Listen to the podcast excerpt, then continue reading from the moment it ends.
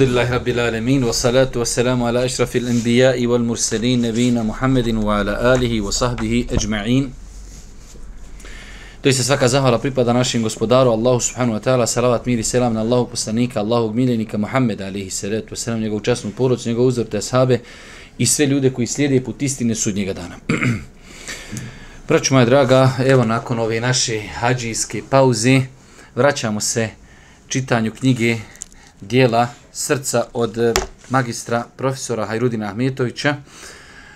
Rekli smo da je ovo jedna veoma bitna knjiga, knjiga koja možda bila, trebala bi da bude nezaobilazna u nekoj kućnoj biblioteci svakog čovjeka muslimana, nakon Kur'ana, nakon tihadijskih zbirki, nakon tefsira, jedna od najbitnijih knjiga koju bi trebao da posjeduje čovjek musliman i da se druži sa njom. Ne samo da je čita ono, pročitao sam knjigu dijela srca, ne već da se druži sa tom knjigom, da ih studira, da ih čitava i svakako da se odgaja kroz ovu knjigu. Mi smo u onom uvodnom predavanju spomenuli koliko je tema dijela srca bitna. E, vidjeli ste al hadisa Allahog poslanika alaihi salatu wasalam gdje kaže inna Allahe la janvuru ila ećsadikum. Allah ne gleda u vaše u vaša tijela, ali gleda walakin yanzur ila qulubikum wa a'malikum. Gleda u vaša srca, gleda u vaša djela. Pa su znači djela srca na većem stepenu od djela vanštini. Na kraju krajeva i kufr i licemjerstvo, znači nevjerstvo, sve je tu u srcu. Pa čovjeka može dvojicu ljudi da vidiš i po vanštini ti ne znaš ko je od njih vjernik, ko nije vjernik. Ali znači ono što je u srcu je bitno. Zato je došlo u onom vjerodostojnom hadisu da Allah poslanik ali se sam kaže u svakom tijelu ima jedan organ. Ako on valja, valja će ostali dijelovi. Ako on nije dobar, sve ostalo će biti loše. Ela wahijel qalb, kaže doista taj organ jeste ljudsko srce. Pa je znači ljudsko srce e, bitan ljudski organ, a isto tako ibadeti koji se vezuju za ljudsko srce su mnogo, mnogo bitni. Pa smo do sad govorili o ihlasu, o jekinu, govorili smo o takvaluku. Znači ja sam rekao, zaista svaki put kad čovjek priprema e, ovaj ders i predavanje, svaki put pomisliš, e ovo je možda najbitniji ders. Evo prošli ders koji smo imali bila je bogobojaznost, zaista, zaista nešto mnogo bitno. Prije toga smo imali El Yaqin, ubjeđenje, mnogo bitno predavanje. Prije toga smo imali ihlas, iskrenost, mnogo, mnogo bitna dijela, znači gdje bi čovjek trebao da se testira, da izgrađuje i odgaja samoga sebe, svoj iman, svoje srce i tako dalje. Večeras evo se družimo sa jednim novim srčanim ibadetom El Haufu. Strah od Allaha subhanahu wa ta'ala i njegove kazni. Ovo je sličan ibadet bogoboja, bogobojaznosti, iako bi se možda bogobojaznost mnoga više definisati kao taj osjećaj neprestanog nadzora uzvišenog Allaha subhanahu wa ta'ala, dok hauf je strah. Strah od veličine uzvišenog Allaha, strah od njegove kazni. Definitivno, Mi svaki put kad smo govorili, rekli smo e, da je mnogo faktora koji ukazuju na našu potrebu za ovim ibadetima. Pa uzmite strah od Allaha. Danas kada bi uzeli e, stanje ummeta, svaki problem ummeta na kraju se može dovesti do straha od Allaha. Vi kada imate čovjeka, ostavlja namaz. Gdje je problem? Nema čovjek straha od Allaha. Da on ima straha od Allaha, on bi redovno klanju. Ako vidite čovjeka ide u kladioncu, Na kraju krajeva slabost imana nema straha od Allaha. Žena ne nosi mahramu. Zašto? Zato što nema straha od Allaha. Nema, nema straha od Allahove kazni. Znači, skoro pa svaki problem ummeta danas mogao bi se vratiti na ovu tačku. Zar to nije onda bitna stvar? Čovjek prevario čovjeka. Čovjek nanio nekom je zulum, nepravdu, ukrao, slagao, prevario. Sve ovo zašto radi? Jer se ne boji Boga. Nema straha od Allaha. Pa je mnogo, mnogo, mnogo bitan e, e, ibadet, znači strah od uzvišnog Allaha. Daj da vidimo u ovoj uvodnoj riječi šta nam kaže strah od uzvišnog Allaha. Strah od uzvišnog Allaha ubraja se u poseban prefinjeni moral, kojim poziva čista ljudska priroda, fitra u kojoj je čovjek rođen, posebna je osobina istinskih vjernika. Jasan je dokaz bogobojaznih i preokupacija pobožnih. Vidite ovdje u ovoj uvodnoj riječi veoma bitno nam kaže autor posebna osobina istinskih vjernika. Znači, ona insan koji se boji Allaha, to je istinski vjernik. I zato je to osobina koja krasi i pravi vjernike. Zato je došlo onom hadisu, kaže, kada je onog čovjeka žena pozvala na blud. Inni ahafu Allah, ja se bojim Allaha, nema nikog. To je istinski vjernik. Kada niko ne vidi, da tada ostavi nešto radi uzvišenog Allaha. Pa nam kaže ovdje autor, kaže to je posebna osobina koja krasi istinske vjernike i jasan je dokaz bogobojaznosti. Kada vidiš čovjeka da se boji Allaha, to je pokazatelj njegove bogobojaznosti. Neće čovjek, boji se marke tuđe, boji se feninga, boji se tuđe dove, boji se tuđeg uzdaha, boji se tuđeg haka. To je strah od Allaha koji je opet pokazatelj njegove bogobojaznosti. Nastavi. Ovoj osobini strahu od uzvišenog Allaha pripada posebna važnost u islamu, jer ona podstiče vjernika na konstantno učinjenje dobrih dijela i udaljava ga od loših pa je stoga razlog postizanja sreće na oba svijeta. Dosta. Strah od Allaha ima dvije koristi. Kada se čovjek boji Allaha, on će se maksimalno truti da uradi ono što je naređeno i maksimalno će se truditi da ostavi ono što je zabranjeno. Zašto? Jer se boji Allaha. Pa se boji Allaha da ostavi ono što je naređeno. Čuje čovjek ezan. Zašto čovjek klanja? Želi Allahu milo, želi rahmet, želi džennet, ali se boji Allaha. Pa čovjek kada čini nešto što je naređeno, čini jer se boji Allaha. Kada ostavlja nešto što je zabranjeno, zašto čovjek ostavlja kamatu, zašto ostavlja blud, zašto ostavlja alkohol? Jer se na kraju krajeva boji Allaha, boji se njegove kazni, boji se njegove veličine. Pa je znači strah od Allaha kao jedan generator koji čovjeka podstiče da uradi ono što je naređeno. Brate, na kraju krajeva i zajutra čovjek kasno lego spava, ustat na sabah, Volio bi čovjek odspavat, ali strah.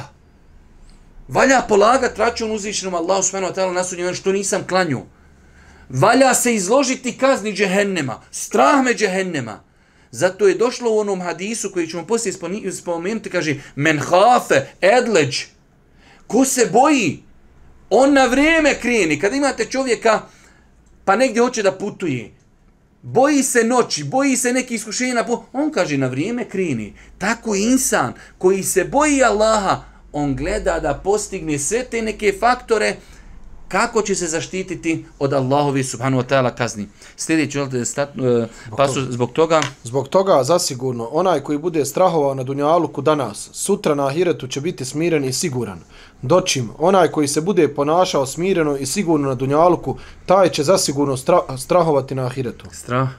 Strah od Allaha na dunjaluku put je do sigurnosti na ahiretu. Ovo je ljudi, vjerujte da noćas ništa ne naučite, ovo da učite strah od Allaha na dunjalu koji je put sigurnosti na ahiretu.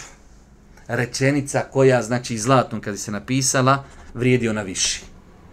Strah od Allaha, sada kada te je strah, ti ćeš se na taj način zaštititi od straha na ahiretu. Obrnuto, nemarnost na dunjaluku, imat ćeš se ti čega bojati na ahiretu. Obrnuto. Znači sada kada se bojiš Allaha, nećeš se inšala bojati na sudnjem danu. Ja rab, ja sam ispunio što sam trebao. Klanio sam, postio, dao sam zekija, čuvao sam se harama. Bojao sam se, pa će Allah subhanahu tala insana sačuvati na sudnjem danu onoga čega je se bojao. Obrnuto, ezan uči ima šta me briga, kladionica, filmovi, ne bojiš se. Aha, kad tamo dođeš, pa žestina džehennema, pa grijesi, pa teška, loša dijela vagaju se, dobra dijela. O, strahuješ, kako li ću ja proći? Aha, nisi strahu na dunjalku, ima sad da strahuješ. Pa je ovo znači srž, vjerujte, srž Islama. Strah od Allaha na dunjaluku put je do sigurnosti na ahiretu. Hoćeš da budeš siguran na ahiretu. Kada ljudi budu sjedili, djeca kada osjedi jeume jeđalu l'wildane šiba. Allah kada opisuje sudnji dan kaže djeca će tog dana osjediti. Hoćeš tog dana kada strah bude, znači, i te kako jak da budeš siguran, onda sad treba čovjek da se boji uzvišenog Allaha. Ebu e, Suleiman Eddari mi je rekao, Ebu Sulejmane Darani, rahimehullahu ta'ala, rekao je, osnova svakog dobra na dunjalku i ahiretu jeste strah od Allaha, subhanahu wa ta'ala. Stoga je svako srce koje ne strahuje od Allaha pokvareno srce. jedan plus jedan. Čovjek čini grijeh, zaka je u mene srce dobro. Evo ti šta ti kaže ovaj šeh i učenjak. Stoga je svako srce koji ne strahuje od Allaha pokvareno. Pričaj ti ko mi hoćeš, moje srce dobro, ja dobar musliman, ja čisto mi srce, ne klanjam, ne postim, kradem, lažim, alkohol, kladionice, ali srce mi čisto.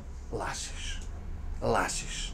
Srce u kojem nema straha od Allaha, od kazni i nije pokorno, to je bolesno i pokvareno srce. Dobro, značenje straha u islamu, e, prelazimo na drugo, Kur'an o strahu. E, znači, rekli smo da autor se trudi maksimalno da svaki put kad govori o nekom ibadetu, da spomene određene argumente Kur'ana i sunneta, kako Kur'an i sunne tretiraju određeni ibadet, u ovom slučaju strah. Pa da vidimo, e, bez straha od Allaha nema imana. Bez straha od Allaha nema ni imana. Strah od uzvišenog Allaha usko je vezan za vjeru u njega, subhanahu wa ta'ala. Zbog toga ga uzvišeni Allah na mnogo mjesta u Kur'anu spominje zajedno uz iman. Tako kaže svevišnji Allah, u istinu to samo šeitan time plaši svoje pristalice. Da, zato se vi ne bojte njega, već se bojte mene ako tvrdite da ste vi vjernici. Vidite kako ovdje je došlo. Iman u Allaha se vezuje sa strahom. Nelogično je dođe čovjek kaže, ja vjerujem u Allaha, ali se ne bojim ga. Gdje je ta vjera? Kroz šta se manifestuje tvoja vjera? Ako kažeš, ja, se, ja vjerujem u Allaha, pa dobro, jer vjeruješ da Allah kažnjava u džahennemu nepokorni. Ako kažeš ja vjerujem u Allaha, odma time znači ja vjerujem da postoji kazna. Ja vjerujem da postoji džehennem. Ja vjerujem da postoji džennet. Pa je strah od Allaha usko vezan sa imanom. Zato ovdje Allah Đelšanu, pogledajte kako kaže na arapskom. Innema dharikum u šeitanu juhavifu eulijahu, fela takhafuhum wa hafuni in kuntum mu'minin. A mene se kaže bojte. Nemojte se bojati šeitana. In kuntum mu'minin. Ako ste vi stvarno vjernici. Pa je strah od Allaha šta? Povezao sa imanom. Ako ste vjernici, mene ćete se bojati. A ako se mene ne bojite, onda je zaista upitan vaš iman. Pa je bitnost straha od Allaha takva da je Allah Đelšan na više kuranske ajeta, ali mi nemamo ovdje dosta vremena, vezuje u više ajeta strah od Allaha za vjerovanje. Ako ste, kaže, vi vjernici, onda se bojte uzvišenog Allaha. U ovom ajetu, evo ovdje, U ovom ajetu se spominje posebne osobine vjernika. Jedna od njih je i strah od uzvišenog Allaha. Stoga onaj koji, se ne bude, koji ne bude straho od Allaha, subhanahu wa ta'ala, taj neće zaslužiti opis istinskih vjernika. Allah Žešanu u Kur'anu opisuje vjernike i opisuje da se oni boje Allaha. Pa znači, pogledajte ovdje kako kaže, e, stoga onaj ko ne bude straho od Allaha, taj neće ni zaslužiti opis, opis istinskih vjernika. Čovjek se ne boji Allaha, samim tim ne potpada pod opise kojima uzvišeni Allah opisuje vjernike. A jedan od opisa jeste da strahuju od Allaha. Ovo nam je sad bitno. Zbog čega sve ovo? Zbog čega sve ovo? Zbog toga što je strahovanje od uzvišenog Allaha i iskazivanje strahov poštovanja prema njemu jasan dokaz priznavanja Allahove vlasti, njegove svemoći, odvijanja njegove volje sprem njegovih stvorenja. Onaj koji ne strahuje od uzvišenog Allaha, taj kao da i ne priznaje Allahu svemoć nad njim. Allahovu volju da će sa njim biti ono što uzvišeni hoće. Pa kako da mu pri, pribjegava i robuje, obožava samo njega, čineći mu svaki vid ibadeta. Onaj koji je nemaran prema ovoj osobini, taj je nemaran i prema izvršavanju pokornosti Allahu, jer svaki rob i potičeni žuri sa izvršavanjem naredbi svoga gospodara, znajući da on ima vlast nad njim, a uzvišnom Allahu pripada najuzvišeniji primjer. Znači vidite kako ovdje sad se povezuje vjera u Allaha sa strahom. Pa ovdje gore ovo je baš kaž, e, zbog toga je strahovanje uzvišnog Allaha iskazivanje strahopoštavanja prema njemu jasan dokan priznavanja Allahovi vlasti. Kad čovjek kaže ja se bojim Allaha, zašto ga se bojim? Jer znam da sam ja njegov rob. Ja znam da je Allah subhanahu wa ta'ala stvorio zemlju i nebesa. On je taj koji me može kazniti. On je taj koji me može nagraditi. Pa kako onda da ga se ne bojim?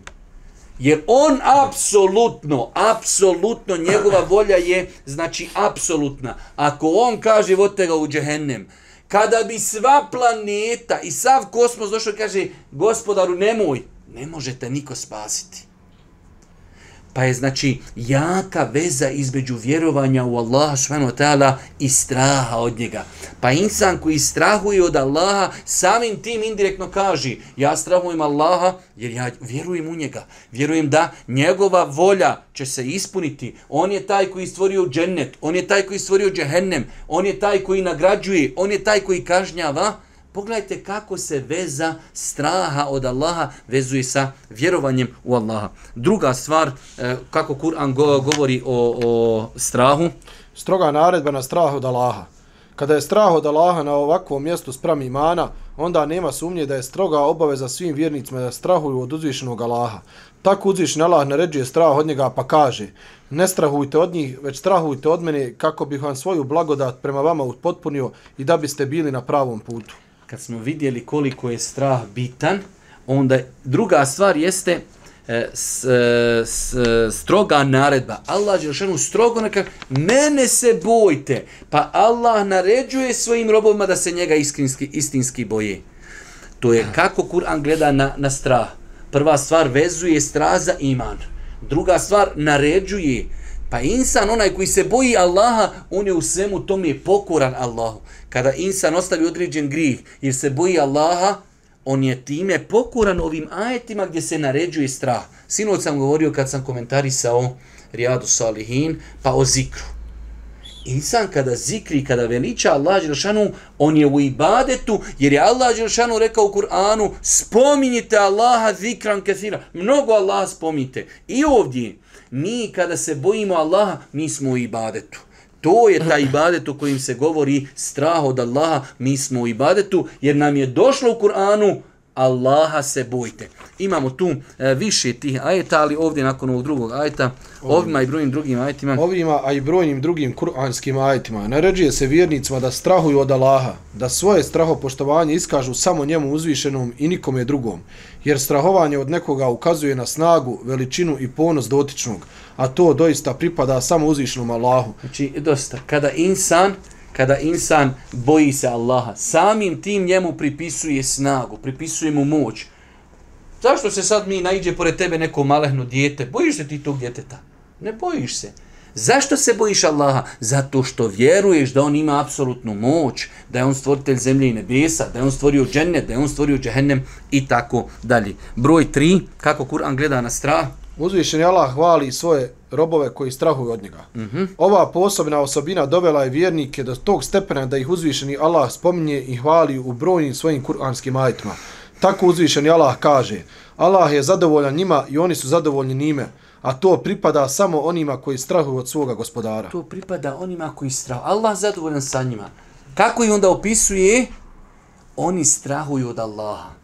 Pa je znači Kur'an govori opis vjernika s kojima je Allah zadovoljan, to su oni vjernici koji se boje uzvišnog Allaha. Pa hoće čovjek da postigne Allahovo zadovoljstvo, jedan od načina da postigneš Allahovo zadovoljstvo i što je logično, hoće da bude tvoj gospodar zadovoljan sa tom, onda se njega istinski boj. Naredio ti nešto, ti se bojiš uzvišnog Allaha, svakako da je to opet povezano da čovjek postigne, postigne Allahu subhanahu wa ta'ala zadovoljstvo. Vamo dalje broj četiri. Prijetnja. Okay. Prijetnja onima koji ne strahu od uzvišenog Allaha i njegove kazne. Na posebnu važnost ove osobine straha od uzvišenog Allaha i oni koji se okite njome ukazuju kuranski ajeti koji govore o završetku onih koji kod sebe nemaju ove osobine, koji ne strahu od uzvišenog Allaha, već su naprotiv sigurno da Allaha je Allahove kazne, čak šta više oni poriču Allahovu kaznu i zbog toga su smireni i spokojni. Pogledajte sad, imali smo da Allah vali ljude koji se boje Allaha čovjek se boji Allaha, samim tim potpada da je mu'min, vezuje se to za iman, to je put Allahovog zadovoljstva. Obrnuto, Allah mi mene ovo sad što će doći ovi kuranski ajeti u više sura, kaže, zar su ljudi sigurni, zar su spokojni, posjećaju na naše stanje. Znaš ti viš ljudi, znači, diskoteke, javna okupljanja, koncerti, muzika, ne znam, ali to je sve toliko javno, jednostavno, nema straha, Da li bi mogla biti neka kazna, neka kiša, neka poplava, neki gromovi? Ma jok! Jednostavno izgubio se strah od Allaha. Pa Allah subhanahu wa ta'ala to spominje u negativnom kontekstu, pa primjer radi ovaj prvi nam samo ajet. E, mhm. A zar su stanovnici sela i gradova sigurni da ih naša kazna neće snaći noću dok budu spavali? Ili zar su stanovnici sela i gradova sigurni da ih naša kazna neće snaći danju dok se budu zabavljali? Zar oni mogu biti sigurni da Allahove kazne, Allahove kazne se ne boji samo narod kome je propast predstoji? Allahove kazne se ne boji samo narod kom je propast eh, prestoji. Kad vidiš da je se narod odao grijesima i ne boje se Allaha, to je narod kojim propast prestoji, jer se ne boje Boga.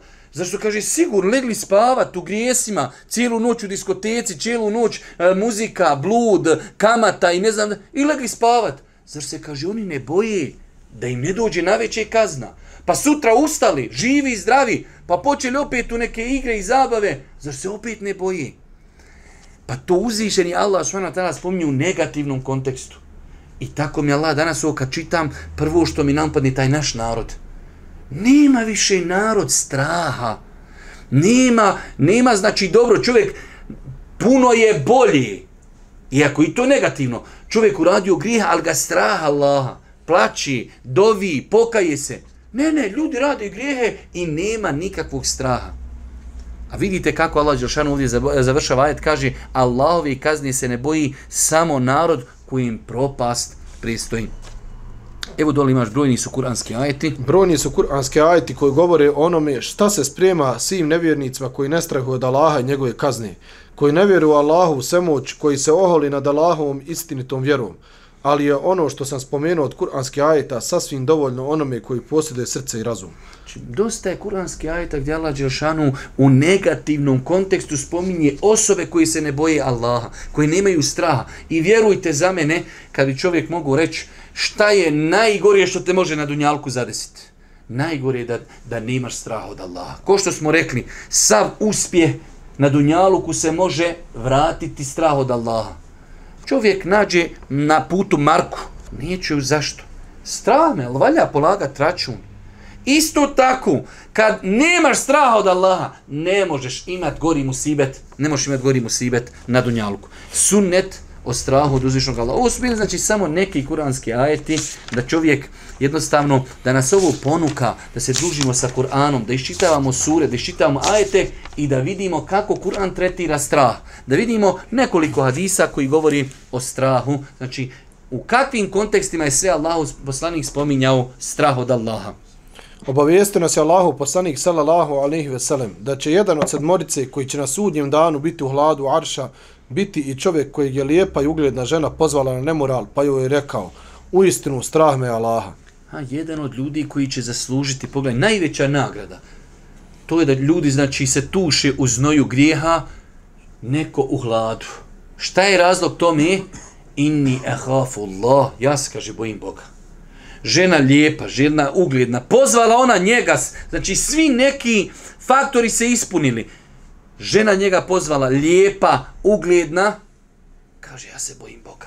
Pa ga uzvišeni Allah zbog te njegove riječi, zbog njegovog postupka, boji se Allah zbog straha od Allaha Đelešanu, nagradio ga je jednom od najvećih nagrada. Kada ljudi budu strahovali, kada ljudi budu, znači, kako što je došlo u hadisima, u znoju svojih grijeha, neko će biti u hladovini. Zbog čega? Zbog straha od uzvišenog Allaha. Imamo dole od Ebu Hureyri, Od Ebu Hureyri radi Allahu an, prenose da Allahu poslanik sallallahu alaihi ve sellem rekao Ko bude strahovao za sebe, taj će požuriti sa činjenjem dobrih dijela. Ako požuri sa njima, taj će postići visoke položaje u džennetu. Uistinu, Allahova roba je skupa, Allahova roba je džennet. Ovo je prevedeno po tefsiru. Iako znači u bukvalnu hadisu je došlo ko bude strahovao, taj će požuriti. Ali ovo po tefsiru prevedeno, ko se bude bojao za sebe, taj će požuriti sa činjenjem dobrih dijela, što je logično. Ali je bukvalno hadis rečeno, ko se boji nečega, on će požuriti da se te, hajde da kažemo, tog straha riješi. Pa insan najviše treba da se za sebe boji. Ako se ja bojim za sebe, šta ću raditi da bi se spasio? Pa bit ću pokoran. Ostavit ću ono što mi je zabranio moj gospodar. Nakon toga kaže se na kraju hadisa, u istinu Allahova roba je skupa, Allahova roba je džennet. Kratko, jasno. Mi evo danas, ja sam tu dosta puta govorio, hoćeš da kupiš trosovan stan, hoćeš da kupiš auto, hoćeš da kupiš pa se napatiš, napatiš, možda 10-20 godina čovjek špara pare da kupi trosoban stan, 80 kvadrata ili 60. Hoćeš da kupiš sebi dvorac u džennetu koji je vječan? Pa hajmo nako dunjalči gledat čime smo to mi zaradili taj džennet. Ovo što klanja insan, to je sve, sve, hajde da kažemo nešto što je obaveza, sve nešto, e, sve nešto polovično. Pa kaže, Allahova, Allahova roba je skupa, Allahova roba je džennet. Pa insan treba na vrijeme da se boji za sebe. Kako ću ja taj džennet zaslužiti? Čime sam ja zaslužiti? Da sam sebe preispituje. Sljedeći hadis od Abdullah ibn Omera. U hadisu Abdullah ibn Omera radi Allahu anhu prenosi se da bi vjerovjesnik sallallahu alaihi ve sellem često puta prije nego li bi ustao sa skupa dovio Allahu naš podari nam poštovanje koji će se ispriječiti između nas i griješenja tebi poslanik ali selam. I ovo je ona dova jednom smo je ovdje čak spominjali. Vola teđali dunja akbara hemmina. Nemoj dunjaluk da nam bude najveća briga. To je ista ta dova. I dole se dosta puta u harimima za Ramazan uči ta dova. Allahumma qsim lena min hašjetike ma tehulu bihi bejnena u obejne ma'asjetik gospodaru podari nam taj strah. Tražiš ti od gospodara da te učini da se bojiš Allaha toliko da taj strah bude razlogom da ostaviš grijehe. Ali ono što je interesantno, da je to bila jedna od najčešćih dova kojim je poslanik dovio. Poslanik traži o gospodaru, podari mi strah od tebe toliko da to bude dovoljno da ostavim grijehe. Pa je o, e, strah razlog ostavljanja grijeha. Poslanik moli, ja rab daj mi da me je strah da ostavim grijehe. Pa je ovo jedan od metoda, poslije ćemo i govoriti, da čovjek moli Allah, ja rab, povećaj, povećaj mi strah od džehennema, povećaj mi strah od tebe, podari mi strah koji će me spriječiti da uradim grijeh. Zašto čovjek uradi grijeh? Oslabio u tom momentu senzori ne rade, oslabio mu iman i uradi grijeh. On da je tog momenta imao strah od kazni, ne bi ga uradio. Neki dan mojoj Hanumi došlo pitanje, kaže jedna teta, moj, kaže, muž, veli, hoće da ide na bazin, da se kupa. Veli, žena, pa kako bazin? Pa eto, veli, bazin, ovo se kupaju muški i ženski zajedno. Kaže, on je toliko, toliko, toliko on zreo, da on se ne boji nikakvih smutnji i nikakvih izazova. Pa dobro, onda povedi ženu sa sobom, brate, i ona je zrela. Druga stvar, bili volio, bili čovjek volio to, a kupaš se ti na plaži, na bazenu, oko tebe, one, one, sad eto kako ću reći, razgolitile se, moglo bi se to reći drugačije, onaj, I bili volio da te tu sad poslanik, poslanik dođe, selo mali, gdje si brate, na bazen ti došao, pa, pa malo poslaniće, te da se malo okupam, ne mogu u kadi, moram malo vode doći kod ovi, kod ovi sirotica koji nemaju šta obuće, to ne sednice skinle, to nije to do mene, ja obaram pogled, ja ću se trudit. Bilo li da ti melek smrti tu dođi? Imali straha od Allaha? Pa znači, strah od Allaha definitivno je jedan od razloga ostavljanja griha. Isto tako hadis e, dalje. Ispod, ja. Uh. -huh. Također bi Allahu poslanik sallallahu alaihi ve sellem učio u dobu, u dobi. Allahu moj, molim te za strah od tebe u tajnosti i javnosti. Daj mi da te se bojim i tajno i javno. Sad ovo je jedna dodatna verzija. Jer imaš, imamo nas, bojim se ja pred narodom, javno, ja, Allahu ekber, irhamu kella, su, subhanallah, misva, čistim zube, obaram pogled, ne gledam utakmice, ni, nema nikoga, zastori, konekcija, Allahu ekber, do Australije, zlatni YouTube. Ja mislim da će ljudi početi fatije za YouTube učiti. Alhamdulillah, još ti dođe instaliran na, na, na mobitel, možeš ga ne instalirat, brate, instaliran, samo pali. Pa kaže, daj da te se bojim. A ko ovo dovi? Dovi Muhammed alihi salatu wasalam. Daj mi, kaže gospod, da te se bojim i u tajnosti i da te se bojim u javnosti. Dobro, daj nam par ovih izjava. Strah od uzvišnog Allahu govoru naših prijethodnika od Omera. Prva, dole prva izjava. Omer ibn al-Hattab radi Allahu an rekao je, kada bi glasnik sa neba povikao, o ljudi, svi ćete vi ući u dženet, osim jednog čovjeka, ja bih strahovao da sam ja taj koji neće ući u dženet. Yeah. Mislim, ja sam obrnut. Kad bi došao sa neko viknom s neba, ljudi jedan će u dženet, ja rekao, valjda sam to ja, ja sam najbolji. Omer obrnuta. Kaže, kad bi s nebesa povikao glasnik, ljudi, svi će u dženet osim jednog. Ja ka ja mislio da sam to ja. Strahuje za sebe, toliko je o sebi imao, hajde da kažemo, loše mišljenje, a s druge strane, to je, to je ta njegova vrijednost. Ali kaže, ja bi se pobojio da sam to ja. Pogledajte veličini. Poslanik mu rekao, ti si Omer dženetlja. On to zna. U više hadisa.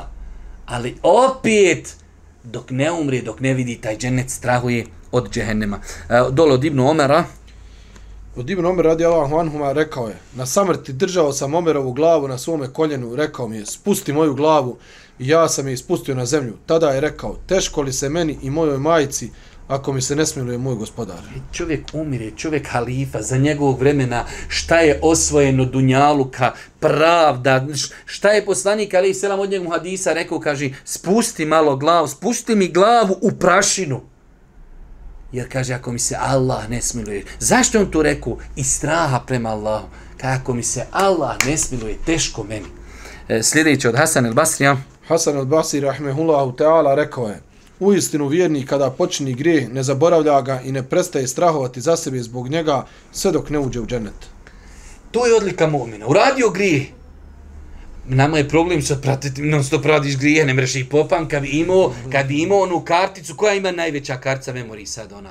Ne, brate, kad bi gurno volki CD u glavu, ne mreš to popam. On je uradi jednom u tri godine grije. I njega strah to grija, kaj vjernik strahuje od grijeha, kad uđe u džennet, dobro je, spasio sam se.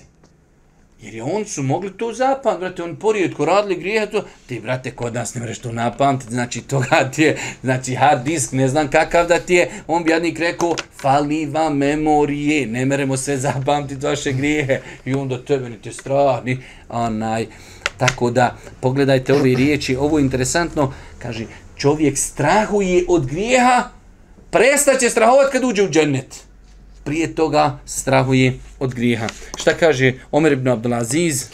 Omer ibn Abdulaziz rahmehullahu ta'ala rekao je, ko bude strahova od Allaha, Allah će učiniti da sve drugo strahuje od njega. Doćim, ko ne bude strahova od Allaha, taj će strahovati od svega drugog. Ko bude strahao od Allaha, Allah će, imate nekad ljudi, jednostavno vidite to čovjek karizma, vidite njegovo ponašanje, svi od njega, ništa čovjek samo sjedi i šuti, samo razgleda, sam gleda, sam čekaš da u tebe ne pogleda. Ništa čovjek, ti te udario, ništa, samo čovjek sjedi i samo razgleda. Ti on pogleda, ti se zaokriniš. Boji se čovjek Allaha. Pa Allah dao da ga se svi boji. Ne bojiš se Allaha, poslije ljudi te šutaju po cesti, brate, niko ne gleda u tebe. Jer je Allah iz srca ljudi sklonuo strah prema tebi. Daj nam e, Ibnu Ebi Mulejke, Ibnu Ebi Mulejke rahmehullahu ta'ala rekao je, zapamtio sam 30 vjerovjesnikovi salallahu alaihi ve sellem ashaba. Svaki od njih je strahova za sebe od licemjerstva. subhanallah, Ibn Ebi Mulejke kaže, ja sam živio i doživio sam 30 ashaba. Oni svi imali su zajedničku osobinu. Svi su se za sebe boljali licemjerstva. A evo, nakon nas koliko sad ovdje. Ima li neko od nas se boji licemjerstva? Čovječ se boja, brate, pa ja sam deset ašarem u Beširinu, džene, ja sam jedan isti, sam nisam spomenut u hadisima. Oni svi, znači kada ja doživio 30 i svi 30 se bojali za sebe licemjerstva. Zato je došlo u onim predajama, vjernik je taj koji se boji licemjerstva, a licemir je taj koji mi to ne pada na pamet. Ja sebe tu svaki put prepoznam. Ja ću biti licemir. Ma ni pod razno. A sabi se strahovali. To je ukazivalo na njihovu bogobojaznost. Vehb ibn Munebbe Veh ibn Munebih rahmehullahu ta'ala rekao je, Allah se nije obožavao sa nečim vrednijim od straha. Allah se nije obožao. Ne možeš znači urat neki bolji ibadet nego da te je strah od uzvišnog Allaha. Svakako sam taj strah, ne samo on, sve ono što će proizići iz tog straha. I zadnja Sufjan ibn Ujejne, Sufjan ibn Ujejne rahmehullahu ta'ala rekao je, uzvišeni Allah je svoje milosti stvorio vatru, kako bi njome zastrašio svoje robove da prestanu sa činjenjem njemu grijeha stvorio vatru.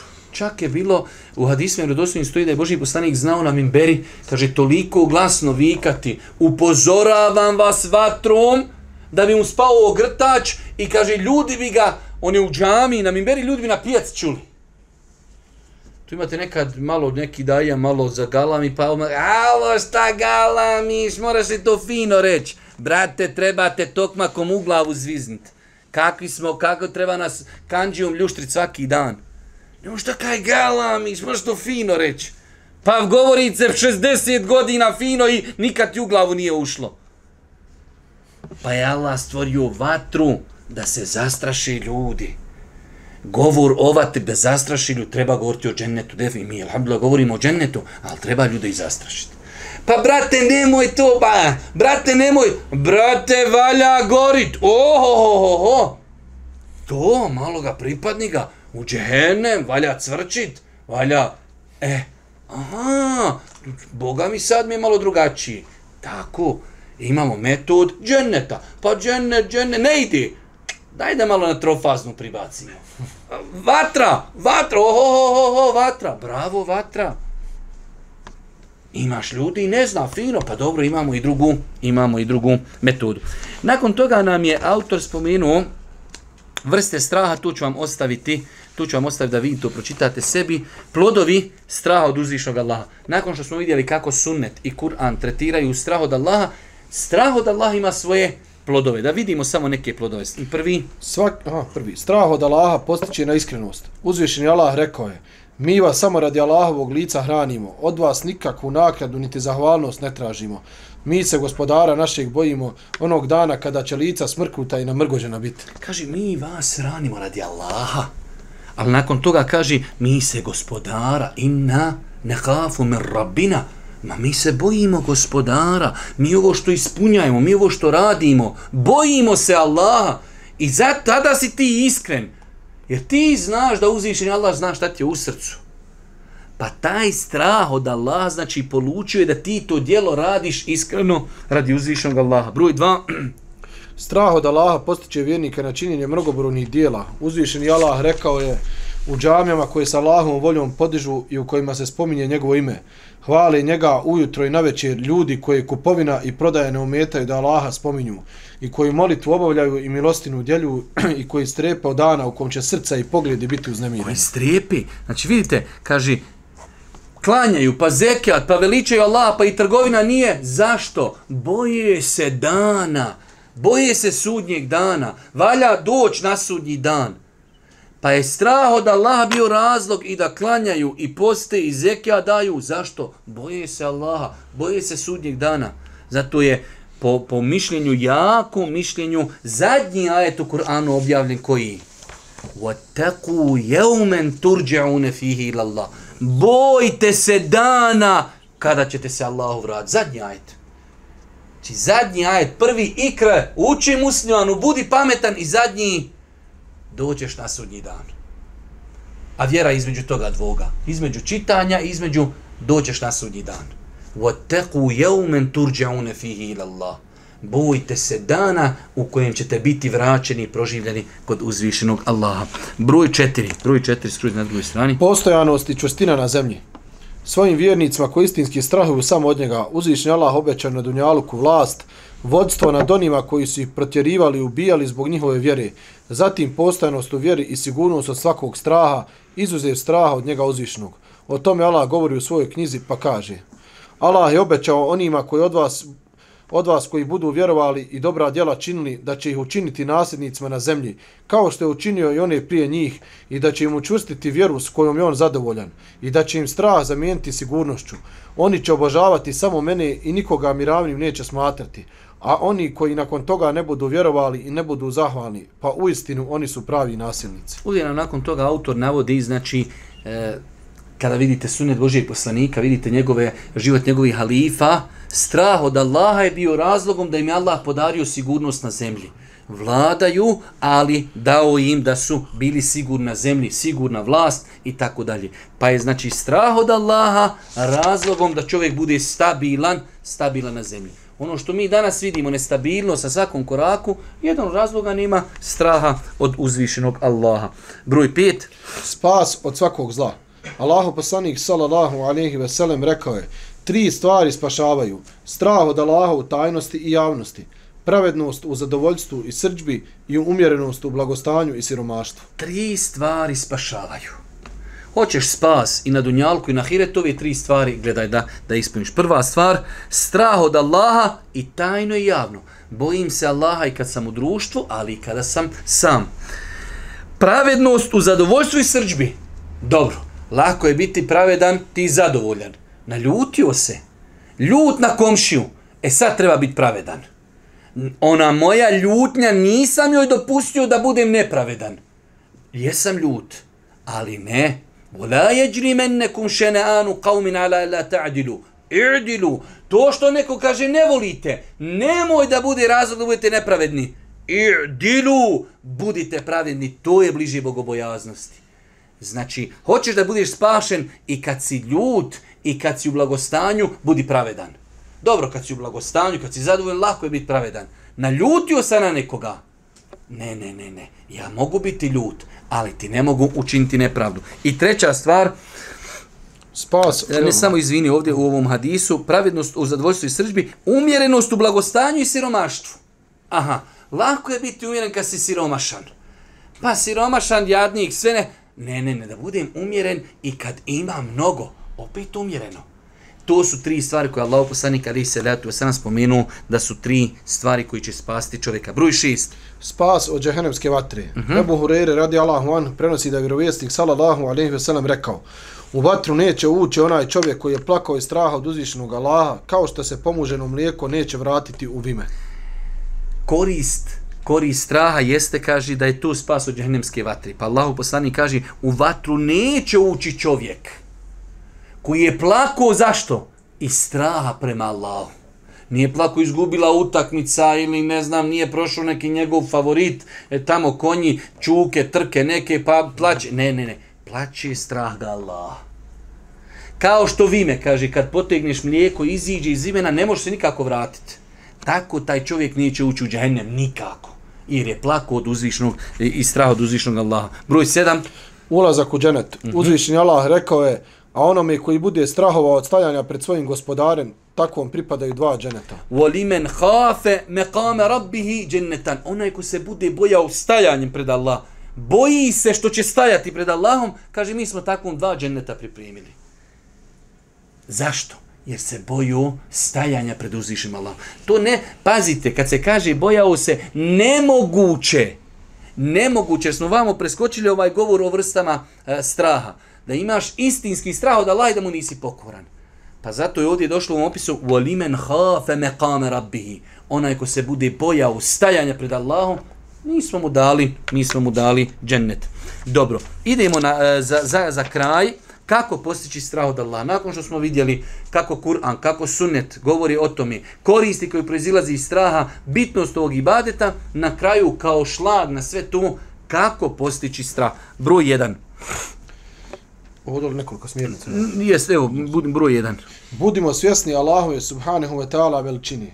Budimo svjesni Allahove veličine. Mi smo sad kad smo dole bili u Mekki, da Allah u Kabuli, Allah nas počastio da smo gore imali posjetu jednom zaista fenomen, uh, fenomenalnom mjestu, a to je jedan muzej koji gore se tačno nalazi u onom satu. Znači, kada čovjek dođe u Meku i gore vidiš onaj sat, u sredini tog sata ima jedan veliki muzej.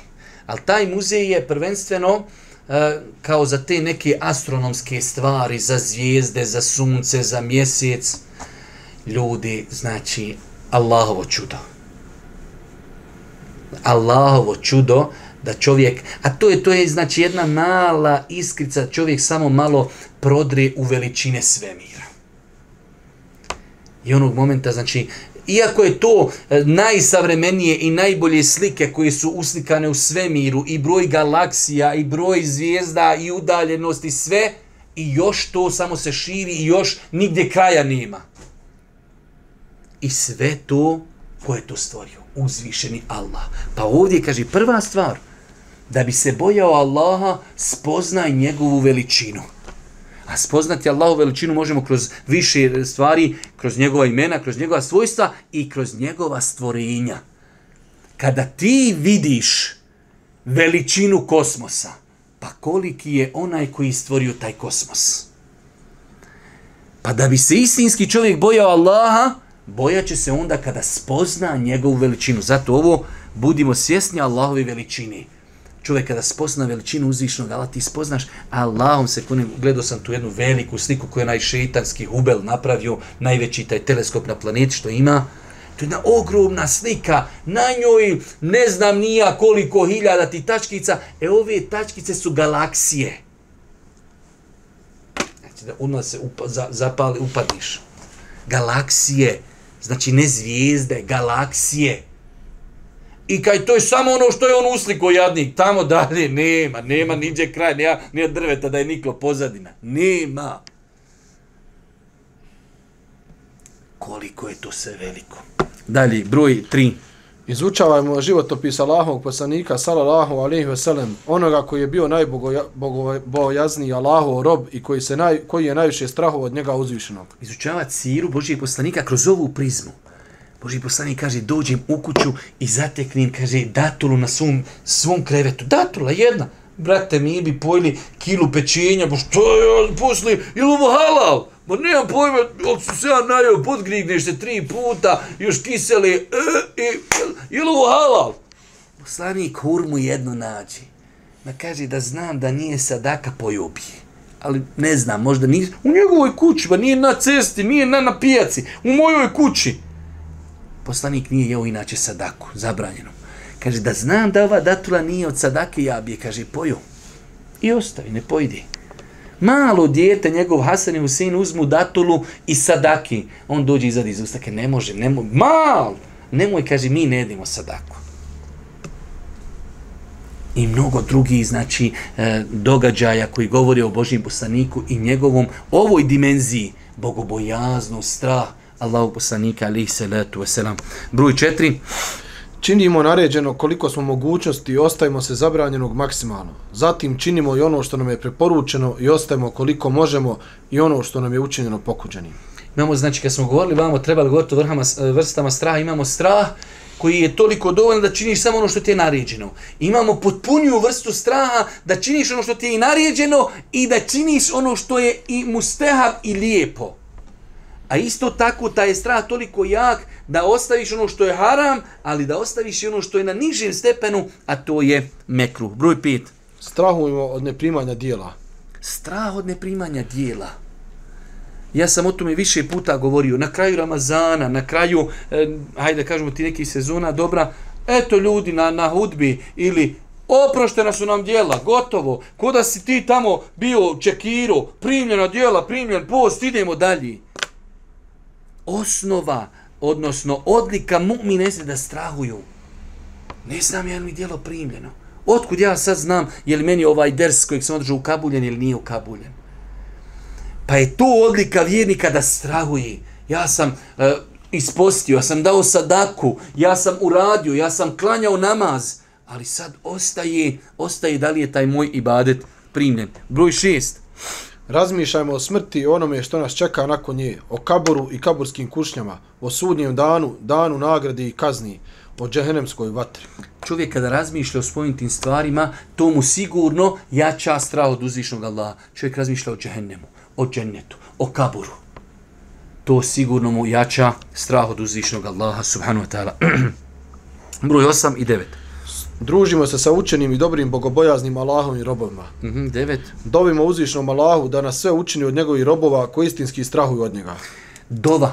Znači ovo je zadnja stvar u ovom poglavlju. Vidjeli ste malo prije, Allahu poslanik je bio poslanik, a u više različitih hadisa moli Allaha da mu podari strah. On kao, kao vrhunac bogobojaznosti, on za sebe kaže, ja sam najbogobojazniji Allahov rob ja najbolje sam spoznao Allaha Đelešanu, ja ga najviše znam i opet kaže, dovi Allahu, podari mi gospodaru da te se bojim. U svakom slučaju, braću moja draga, ovo je bila jedna po meni izuzetno interesantna stvar. Ja sam evo za kraj odlučio, pošto imamo aktuelnu jednu temu, e, a to je e, imamo za par dana ovu neku paradu, pa sam odlučio to čisto nešto, iako je Šej Safet e, govorio na ovu temu, ali ajde kažemo, ne znam koliko je do svih ljudi došlo, pa da pokušam određene stvari dati kao smjernice. Osjećam jedan vid odgovornosti, dosta puta su me ljudi, hajde da kažem, kao potegli za odgovornost, e, trebale bi daje da se oglase, trebali bi dati ljudima jasne smjernice kako i na koji način da se ponašaju u pogledu ove parade koja se sprima za nekoliko dana. Prva stvar, braću moja draga, što bi trebao da čovjek vjernik zna, i to je naš temelj, jeste kakav je stav Islama prema, prema homoseksualizmu. Najbitnija stvar, sa njih ćemo sve graditi. Kuransko-hadijski argumenti i konsenzus islamskih učenjaka jasno potvrđuje da je to veliki grijeh. Ovo je taška s kojoj ćemo mi sve ostalo ugraditi. Kur'an, sunnet Božijeg poslanika, ali se letu veselam, konsenzus islamskih učenjaka potvrđuje da je to grijeh. Islamski učenjaci znači imaju jednostav, jednoglasan stav da je homoseksualizam veliki grijeh u islamu.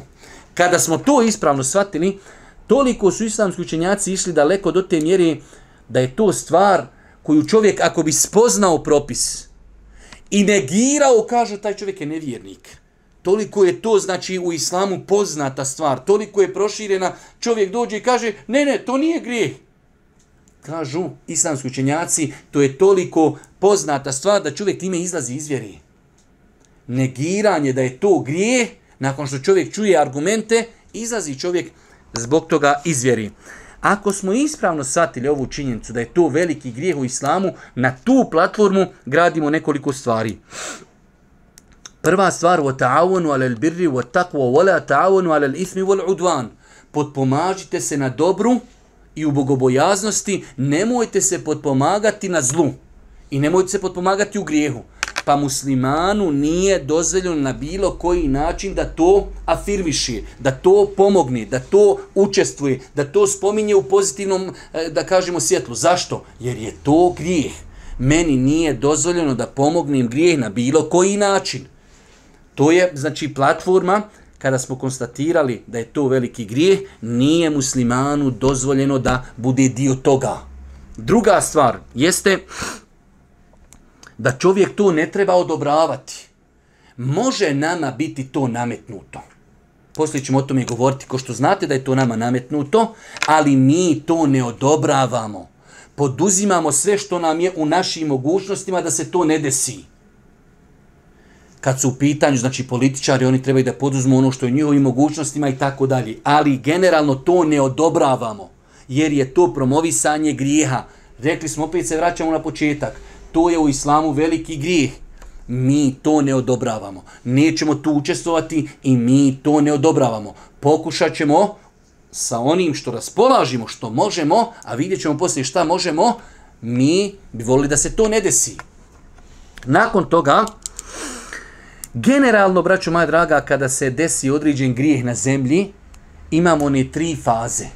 Imamo da čovjek negira to svojim srcem, jes poslanik je rekao da je to adaful iman, ima da to negira čovjek svojim jezikom, danas, u današnje vrijeme pisajući na društvenim mrežama, i ima da to ukloni svojom rukom. Mi možemo ove dvije kategorije.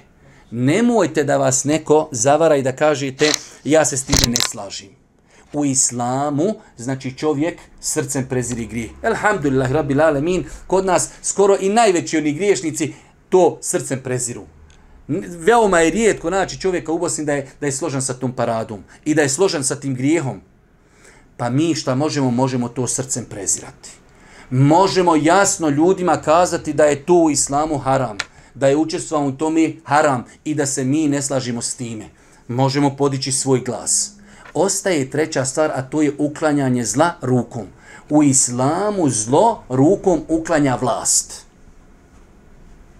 I u ovog momenta ja znam, sjedio sam sa desetinama ljudi koji su učeni i učeni od mene, nisam našao nijednog čovjeka koji je podržao da neko tog dana iziđe i da silom nešto rješava. Čak šta više, vjerujte, ja sam duboko ubijeđen da ova parada ima to za cilj da ljudi iziđu, da se prikažu ljudi kao pogledaj kako su oni nazadni. Mi se ne slažimo s time. Naša vjera jasno daje do znanja da je to haram i da je to zabranjeno. Ali mi u islamu to ne, nećemo negirati silom. I vjerujte, eh, osobe, ja znam da imaju neki ljudi koji to planiraju ići učestvovati u tome silom, oni nemaju autoriteta. Ja ne znam čovjeka učenog da je to odobrio. Nemojte da vas emocije ponesu pa kaže lutov narod je uništen zbog toga. To nema nikakve veze sa ovim u čemu se mi nalazimo. Mi se, braćo, nalazimo u vremenu i prostoru za kojih znamo kakav je. Mi negiramo srcem i mi ljudima jasno kazujemo propise. Mi ljudima jasno kazujemo propise. Tako da e, negiranje toga na, na, na korištenje sile nije u našim mogućnostima. I ja ne znam učenog čovjeka, a sjedio sam sa desetinama ljudi u pogledu ovog pitanja da je neko odobrio da se na taj tog dana koristi sila kako bi se to kao spriječilo. I garantujem vam da se cilja time provokacija ljudi. Garantujem vam samo da smo mi bili pametni i da se okrenimo, da tome ne obraćamo nikakvu pažnju. Mi smo već od toga napravili pumpu, to je najveća reklama za njih trebalo, hoće biti, ne bude, ba, ode smo na Igman, taj dan roštiljamo, prošli bi, nije niko vidio, nisu napravili ono zbog čega su došli, vidjeli bi da da se to ništa ne bi desilo. Ali mi smo, a, neće, hoće, hoće, neće, i mi smo to najviše izreklamirali. Isto tako, e, ja sam stava da to treba maksimalno bojkotovati. Ignorisati apsolutno. Taj dan najbolje otiš na Igman roštiljat. otiš negdje na futbal, od, da te ne bude uopšte taj dan u čarši. Apsolutno ignorisati. Isto tako e, treba koristiti vrijeme i prostor, treba koristiti društvene mreže, treba koristiti mogućnost ljudima pojasniti.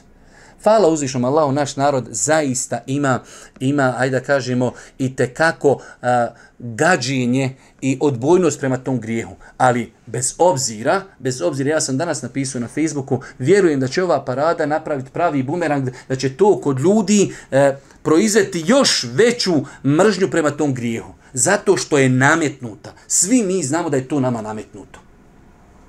Zato što je naša država slaba i to je nama nametnuto. A ono što ide na silu, ideologija se ne može mijenjati silom. Može samo jačinom argumenta. I zato će to 100% polučiti suprotne rezultate od onoga što se očekuje. Pa treba iskoristiti ovu priliku jasno i glasno ljudima pojasniti propis, pojasniti stav medicine po tom pitanju i pojasniti štete koji proizilazi iz toga mi, braću draga kad u, u pouduzmi ovo što, smo, što, što je spomenuto, inšala biznila, mi sa tim više nemamo ništa. Vraćamo se, iako Bog da rezimiramo, znači stav Islama u pogledu homoseksualizma, jeste da je to jedan veliki grijeh i Kur'an i sunnet i konsenzus islamskih učenjaka to potvrđuju. Negiranje tog propisa čovjeka izvodi iz vjeri. Nama muslimanima je naređeno i propisano da to negiramo svojim srcem, da nismo saglasni sa tim i da to negiramo pisajući o tome i podižući svoj glas protiv toga. Nije dozvoljeno muslimanu na bilo koji način da učestvuje u tome, niti da to odobrava. Musliman se treba maksimalno potruti da se to ne desi. Ali ako se desi nasilu i ako se desi kao nešto nametnuto, mi ćemo to ignorisati. Apsolutno nije nam naređeno i čak šta više garantujem da, da je takvim osobama draži da dođe neko ko će praviti probleme da bi mogli e, da bi oni postigli što veći efekat i što veći hajde da kažemo e, trag da bi te parade ostavile. Allah subhanahu wa ta'ala molim da nas sačuva uh, u ovoj našoj lijepoj zemlji. Molim Allah subhanahu wa ta'ala da nam bude milosti na sudnjem danu i da nas ne kazni zbog onoga što drugi radi. Subhanak Allahumma bihamdike, šedun la ilaha illa stakfiruke, wa atubu ilaik.